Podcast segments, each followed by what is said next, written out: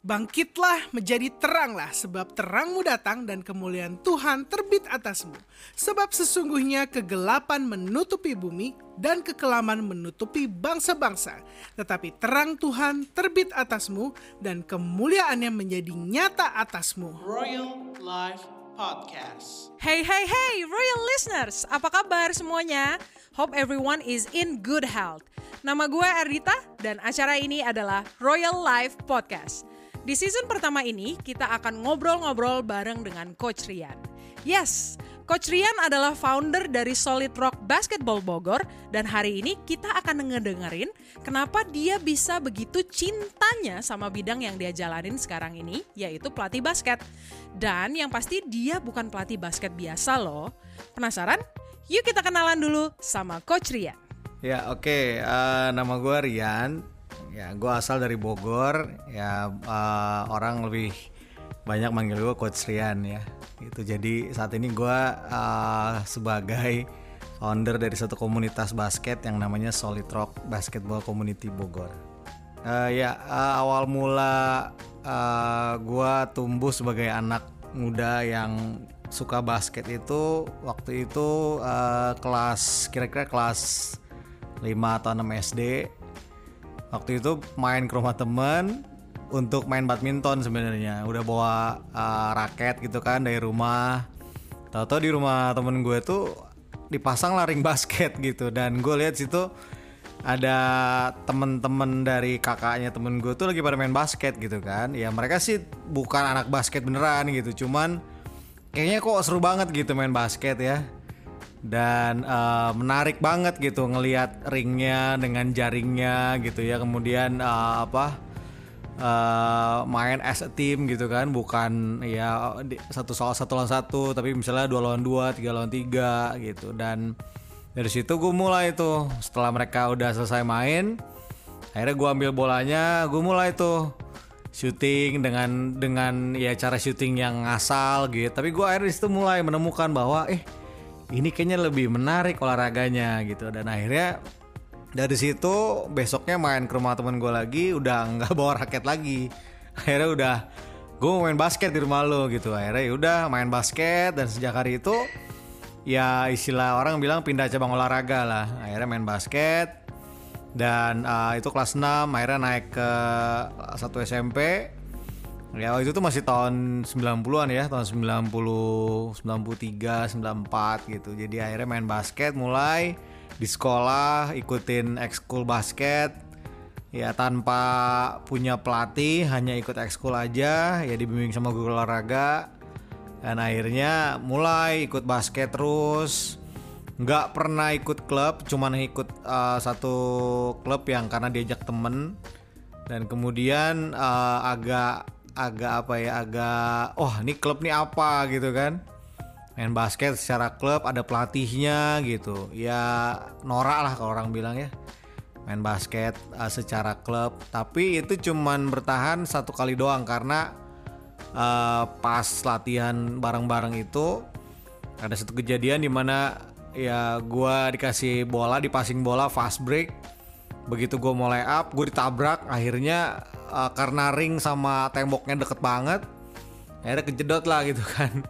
Sampai bengkak kepala gue akhirnya di situ gue agak males gitu ikut klub karena kok kayaknya ada satu perbedaan gitu. Oh lu udah bisa main basket lu belum bisa. Lu udah senior gue junior gitu. Akhirnya timbul satu aduh males deh karena gue belum bisa main basket jadi akhirnya kayaknya gue akan jadi bulan-bulanan di dalam setiap game yang dilakukan di uh, latihan klub itu. Jadi akhirnya di situ gue memilih untuk ya udahlah gue main basket aja. Ya hanya sebagai fans aja gitu. Ya udah main basket. Nggak nggak nggak terlalu yang gimana gimana lah gitu. Sampai akhirnya uh, SMA uh, sama SMA pun gitu. Ya kelas 1 itu kalau sekarang kelas 10 ya jadi main basket hanya sebatas ekskul aja gitu ya sebagai ya pas istirahat di sekolah kita main sucutan gitu. Terus Nah sampai akhirnya karena di SMA itu udah mulai banyak uh, turnamen-turnamen ya lokal gitu turnamen lokal akhirnya sekolah gue ikutan uh, turnamen. Ya biasalah nyari pemain kan gitu. Akhirnya satu momen itu ya tim gue itu kekurangan pemain gue disuruh ikutan gitu. Nah memang secara size ya badan gue ini nggak tinggi ya gue cuma punya satu satu uh, skill spesifik gitu. Gue tuh shooter gitu ya. Dengan form shooting yang belum bener gitu. Cuman ngasal aja nembak tapi ya oke aja masuk terus gitu. Akhirnya gue dipanggil tim. Nah, satu di satu turnamen itu uh, ada satu kejadian bahwa sekolah gue itu ketinggalan gitu. Ketinggalan yang dengan margin yang cukup jauh lah. Nah, saat itu pelatih di sekolah gue itu bukan guru olahraga, tapi dia seorang pelatih sebuah klub di Bogor yang yang ternyata ya si pelatih ini adalah salah satu pelatih senior di Indonesia. Nah akhirnya karena udah nggak ada di roster pemain udah nggak ada lagi yang kira-kira bisa untuk memangkas margin itu ketertinggalan sekolah kami itu akhirnya sang pelatih ngelihat ke gua gitu kan. Ya udah lu main gitu kan.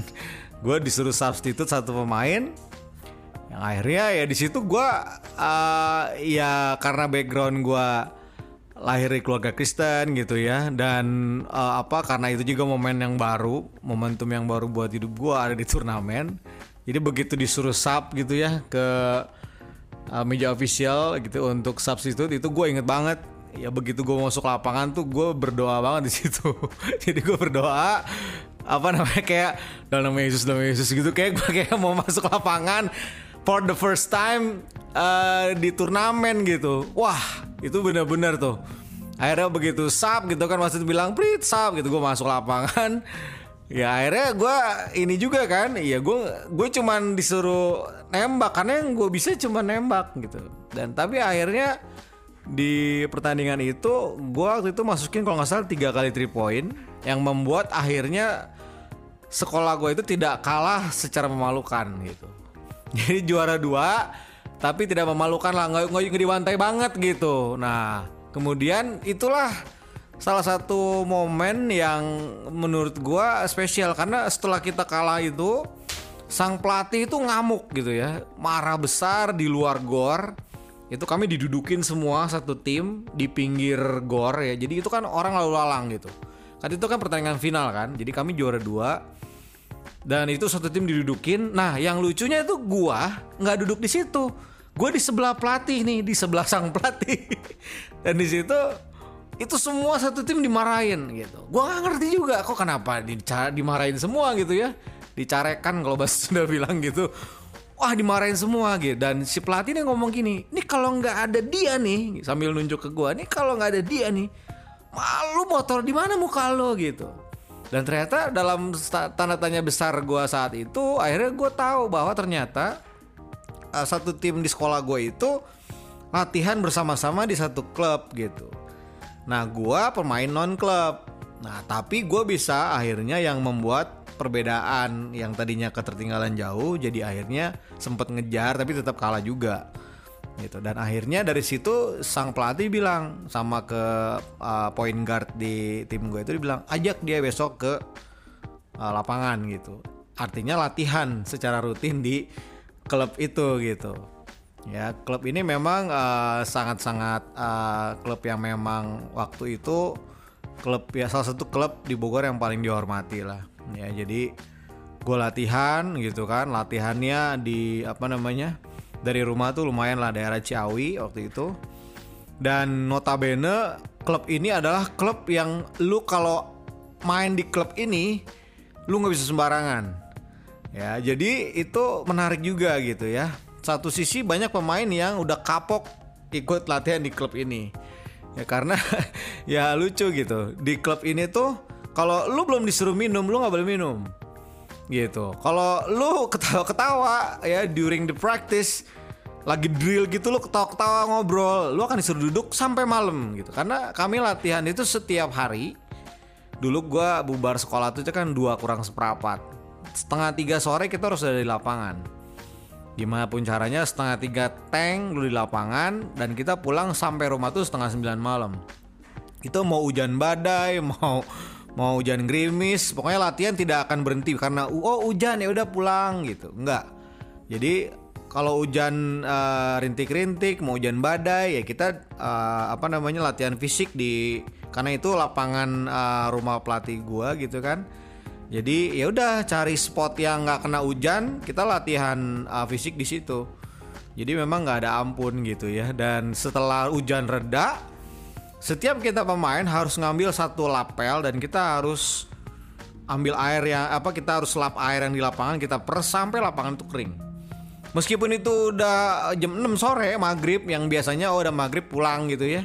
Tapi enggak, oke sang pelatih akan nyuruh pemain gue yang badannya gede untuk nyalain mesin diesel gitu, generator. Jadi lampu nyala ya udah. Dan itu setiap hari dan iya kondisinya begitu. Jadi kita tuh nggak ada bercanda. Semua serius. Dan memang notabene pelatih gue ini sangat keras gitu. Dan tapi di situ tidak tidak membuat semangat gue akhirnya wah gue nggak mau lah dilatih pelatih kayak gini gitu. Tapi gue tetap di situ entah kenapa ya gue percaya sih itu ya campur tangan Tuhan juga. Dan gue waktu itu kan masih SMA ya gue tidak terlalu yang aktif di gereja banget lah gitu ya jadi gua malah uh, jujur-jujuran aja lebih memilih untuk ekskul basket daripada persekutuan waktu itu. Ada kepala persekutuan, ketua persekutuan datang ke sekolah gua ngajakin, "Eh, Yan, persekutuan." "Enggak ah, mau main basket." gitu.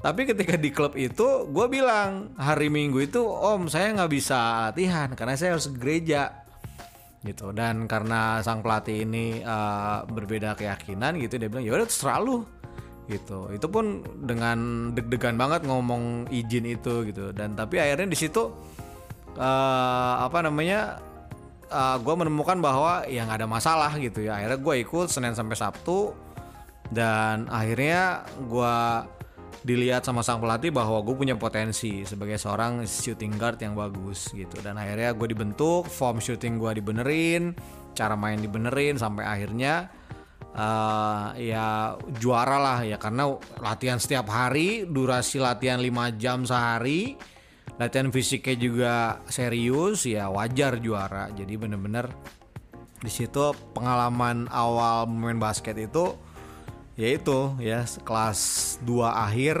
kemudian kelas 3 SMA gua full basket nggak ada kerjaan lain gitu ya sampai uh, lulus. Akhirnya ya udah karena udah lulus kan uh, waktu itu udah nggak ada lagi hal yang mau dikejar dari sisi basket gitu.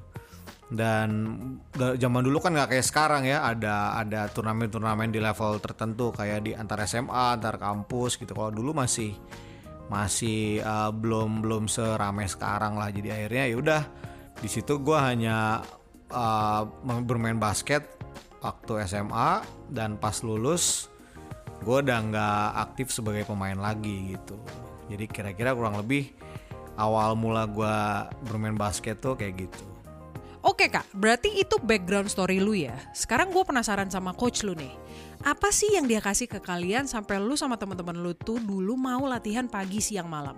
Boleh ceritain ke kita kak? ya memang uh, uh, Tuhan uh, menganugerahkan gue seorang pelatih yang memang sampai sekarang ketika gue ada di forum uh, uh, pelatih mana pun gitu ya. Misalnya ada training coaches gitu. Ada satu waktu itu gue training di Singapura dia bilang who's your uh, favorite coach? gitu kan. Ya gue bilang uh, ya dia gitu. Beliaulah uh, pelatih favorit gue kenapa? Karena dia uh, membuktikan gitu bahwa apa yang dia beri kepada anak-anak didik ya sebuah latihan yang keras latihan yang tidak ada eh, apa namanya tidak ada main-mainnya gitu. Dan bener-bener kami di situ latihan yang nggak bayar apa-apa cuma datang yang penting tunjukkan keseriusan. Dan gue lihat bahwa hasilnya anak beliau ini kan sampai uh, main di NCAA ya. Itu anaknya padahal cewek gitu. Jadi dia dari SMA udah anaknya ini dilatih dari dari kecil bangun jam 4 pagi jadi setengah lima. Ini ini kalau nggak salah ya bener-bener nggak tahu lah secara detailnya gimana tapi anak ini selalu setiap pagi subuh itu dia harus uh, masuk uh, nembak 3 point itu 500 kali masuk baru dia boleh berangkat ke sekolah. Itu every single day. Jadi uh, akhirnya si sang anak ini akhirnya punya skill di atas rata-rata akhirnya masuk ke timnas kemudian kuliah dari jalur basket sampai akhirnya tiba-tiba uh, bisa berangkat ke Amerika dan akhirnya bisa masuk ke NCAA dan itu uh, lumayan jadi uh, apa ya jadi sorotan waktu itu gitu. Sang anak ini bisa sampai ke Amerika gitu. Dan akhirnya ya sebenarnya itu menjadi kebanggaan sih bagi uh, Indonesia seharusnya gitu. Dan ya orang-orang pasti kalau disebut namanya pasti tahu lah gitu. Karena memang ya hasil didikan dari uh, sang ayah yang adalah pelatih ini. Dan gue lihat sih bagaimana uh, si pelatih ini dia uh, apa namanya punya satu pengetahuan basket yang memang yaitu memang di atas rata-rata gitu. Bagaimana dia mengulas tentang basket, bagaimana dia mengulas setiap gerakan demi gerakan, bagaimana dia bisa memberikan alasan kenapa main harus begini, kenapa defense harus begini, kenapa offense harus begini, kenapa gerakan begini, kenapa uh, apa namanya wasit harus uh, bilang itu foul atau tidak. Dia punya semua alasan dan bagi kami itu tidak terbantahkan gitu. Jadi bagi kami wah iya dialah sebenarnya bukan hanya pelatih supaya kami juara, tapi dia menanamkan suatu filosofi bahwa ya lu nggak bisa basket lu jadiin cuman main-main tuh nggak bisa. Kalau lu mau bener-bener menjadi pemain basket, ya lu harus bener-bener punya mindset bahwa ya lu harus belajar kepada sumber yang benar gitu, kepada negara di mana basket itu berasal dan lu harus bener-bener baca ya lo harus telah lo harus bener-bener kayak ya kalau kita renungin gitu ini ini kenapa bisa begini? Kenapa gerakannya begini? Ya kenapa seorang Michael Jordan begini begini begitu? Jadi semua itu akhirnya kita di situ ya gue nggak tahu sih ya teman-teman tim gue dulu nangkepnya gimana tapi bagi gue gue lihat bahwa wah ini ini pelatih berbeda gitu. Jadi gue nggak ngelihat dia agamanya apa gue ngelihat dia keyakinannya apa gue nggak ngelihat dia galaknya kayak apa tapi gue lihat ya orang seperti inilah yang bisa membuat gue menjadi seorang pebasket yang baik gitu. Yang bisa bener-bener akhirnya gue bermain dengan benar gitu. Gue uh, apa melakukan segala sesuatu ketika di lapangan itu dari sisi basketnya secara teknis gue menjadi pemain basket yang ya bener gitu. Ya uh, waktu dulu memang uh, ya istri gue tahu banget lah ya bagaimana basket itu ya kalau orang waktu zaman gua dulu ya terutama di gereja gua bertumbuh lah orang ngelihat gua pasti basket gitu. Karena ya Rian basket nih pasti gitu. Karena gua benar-benar dulu ya gua zaman karena di gereja gua tuh ada sistem pemuridan gitu ya ketika gua disamperin sama uh, mentor gua dia bisa nunggu gua nunggu nunggu gua untuk gua selesai nonton NBA Action dulu Dulu NBA Action tuh kan dinanti ya setiap minggu siang. Nggak ada siaran ulang gitu bener-bener. Dari inside staff kalau yang ini anak basket 90 pasti tahu ya Ahmad Rashad gitu. Jadi inside staff and then NBA Action. Dan gue nonton tuh nggak bareng mentor gue gue duduk depan TV mentor gue di belakang gue nunggu gitu. Sampai selesai udah. Jadi gue bener-bener waktu itu ya ya tahun 90-an pasti semua mengidolai Michael Jordan lah ya dan waktu itu bahkan uh, eh, gue sempet keluarga gue itu bukan dari keluarga yang uh, tajir banget nggak malah biasa-biasa aja. Dan malah sempet kami tidak punya TV di rumah sampai akhirnya tapi gue bisa tahu loh jadwal NBA itu pagi itu jam berapa yang main siapa gue juga heran tuh. Gue nggak tahu gue dapet dari mana tuh jadwal ya akhirnya gue bisa main ke tetangga gue yang itu ya lumayan nggak yang sebelah rumah banget gitu. Gue harus jalan lewatin beberapa gang gitu beberapa belokan gang. Akhirnya gue bisa ngetok rumah itu keluarga. Terus ketok dan si uh, si aci aci ini gitu stantenya udah tahu oh iya Rian masuk aja. Dan gue nyalain TV dia sendiri gitu. Jadi gue nggak gue nggak dinyalain sama itu tante itu ya sama oma itu. Gue nyalain itu gue langsung pilih channel RCTI ya gue nonton Chicago Bulls gitu.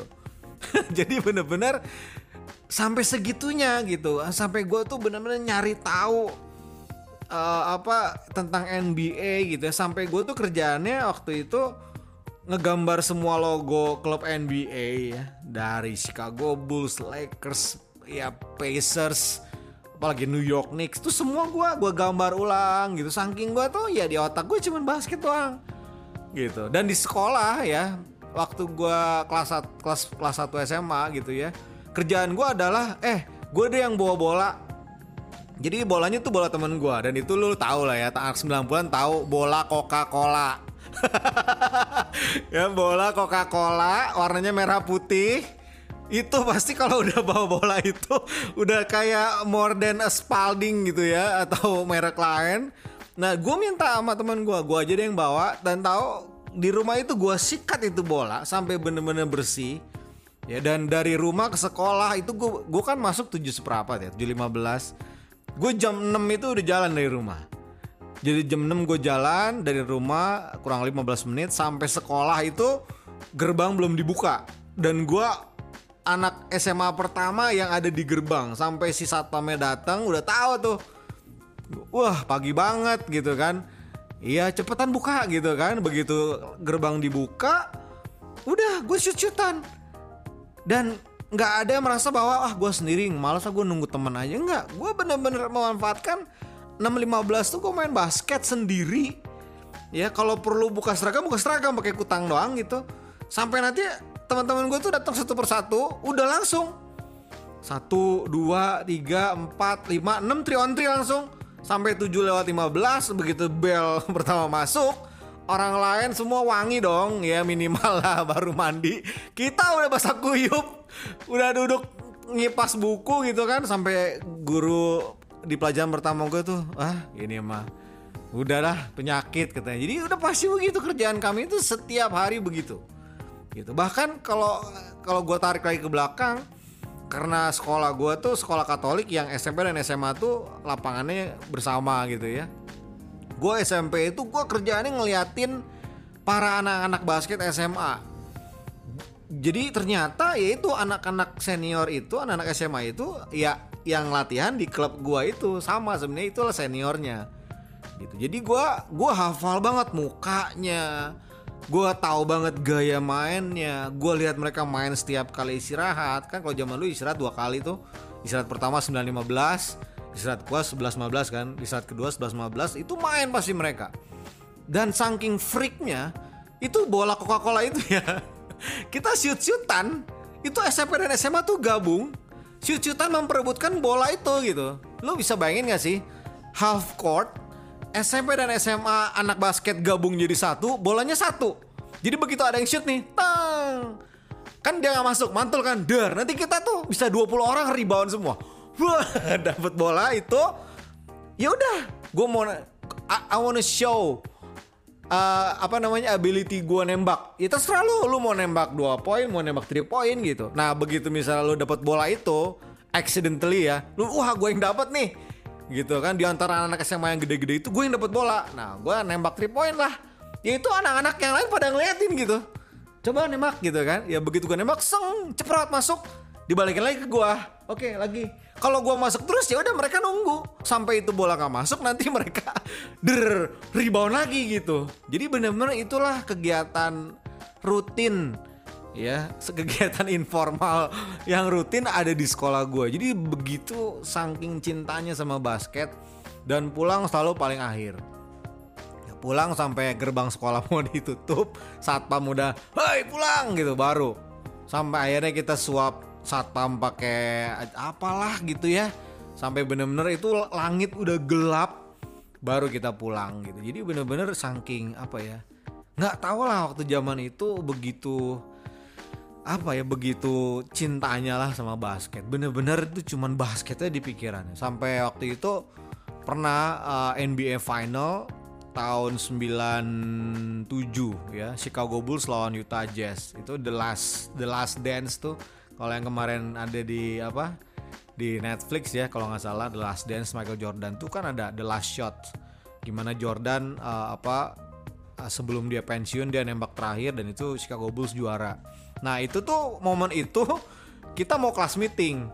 Sampai pertandingan di sekolah gue tuh ditunda gara-gara ada temen gue yang bawa TV kecil hitam putih nggak tahu juga itu dia dapat dari mana dia niat banget, eh gue bawa TV katanya. Hah, lu bawa TV pakai baterai? pakai antena akhirnya di depan kelas tuh kita nonton dulu. Ya sampai yang di lapangan tuh kosong gitu karena kita masih nunggu nih Chicago Bulls lawan Utah Jazz. Begitu Jordan masukin poin terakhir itu kita loncat semua udah. Itu udah lapangan tuh udah on fire udah gara-gara Jordan itulah kita main di lapangan tuh udah kesetanan. Padahal itu jam 11 siang jadi kita mah mau panas terik mau hujan badai gitu. Sampai saking apa ya saking udah kita tuh bergelut dengan bola basket setiap hari kita tuh sampai pernah saking kita udah enaknya gitu ya kita sengaja ke sekolah pakai sepatu pantofel. Tapi itu tidak menghentikan kita untuk nggak main.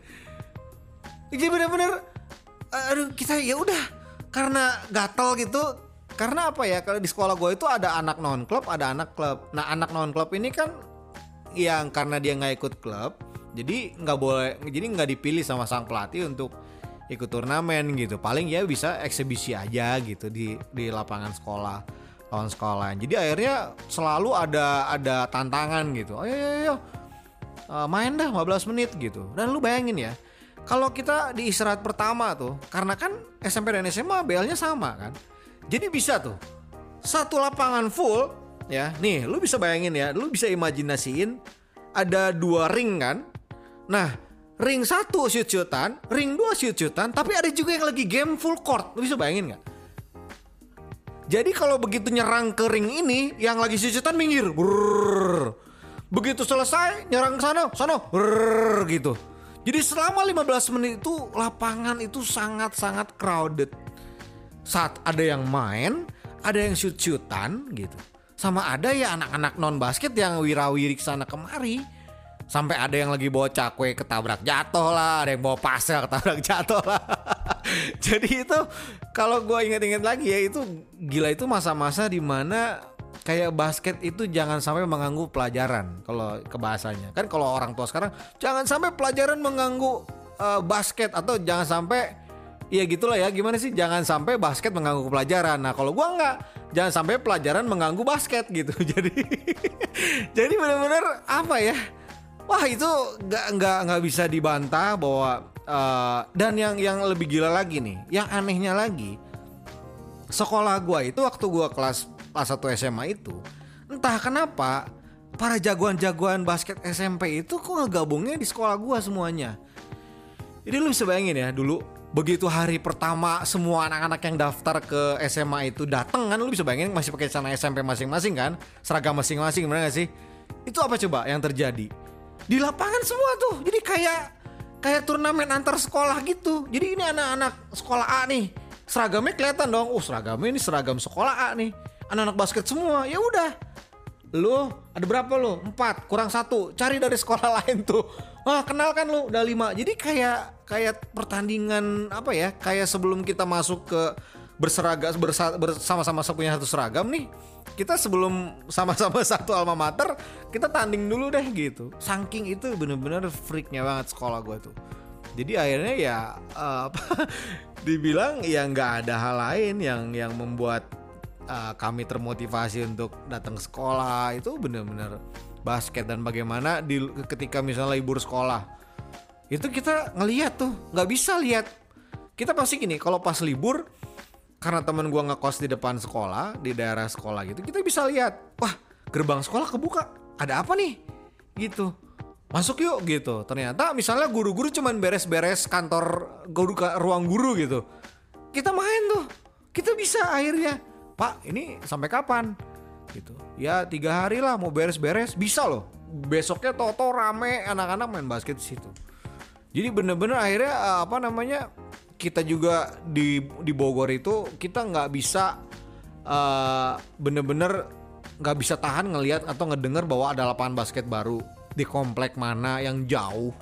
Atau misalnya ada teman kami di rumahnya di mana dan dia bilang eh deket rumah gua ada lapangan basket itu pasti kita naik angkot kita cari itu. Lapangan kita pasti main di sana. Saking bagi apa ya saking ya nggak ada hal lain gitu. Wah wah wah goks banget nih. Jangan sampai sekolah mengganggu basket. Kata coach Rian jangan sampai nilai jelek di pelajaran sekolah menghambat doi berlatih dan mengasah kemampuannya di basket Nah, setelah kenalan di episode ini, next kita akan ngedengerin gimana sih point of view dari Coach Rian melayani Tuhan Yesus lewat basket. Stay tune terus Royal Listeners dan jangan lupa follow Instagram kami di Royal M Station untuk mendapatkan info terbaru seputar Royal Life Podcast. So, God bless you and see you soon.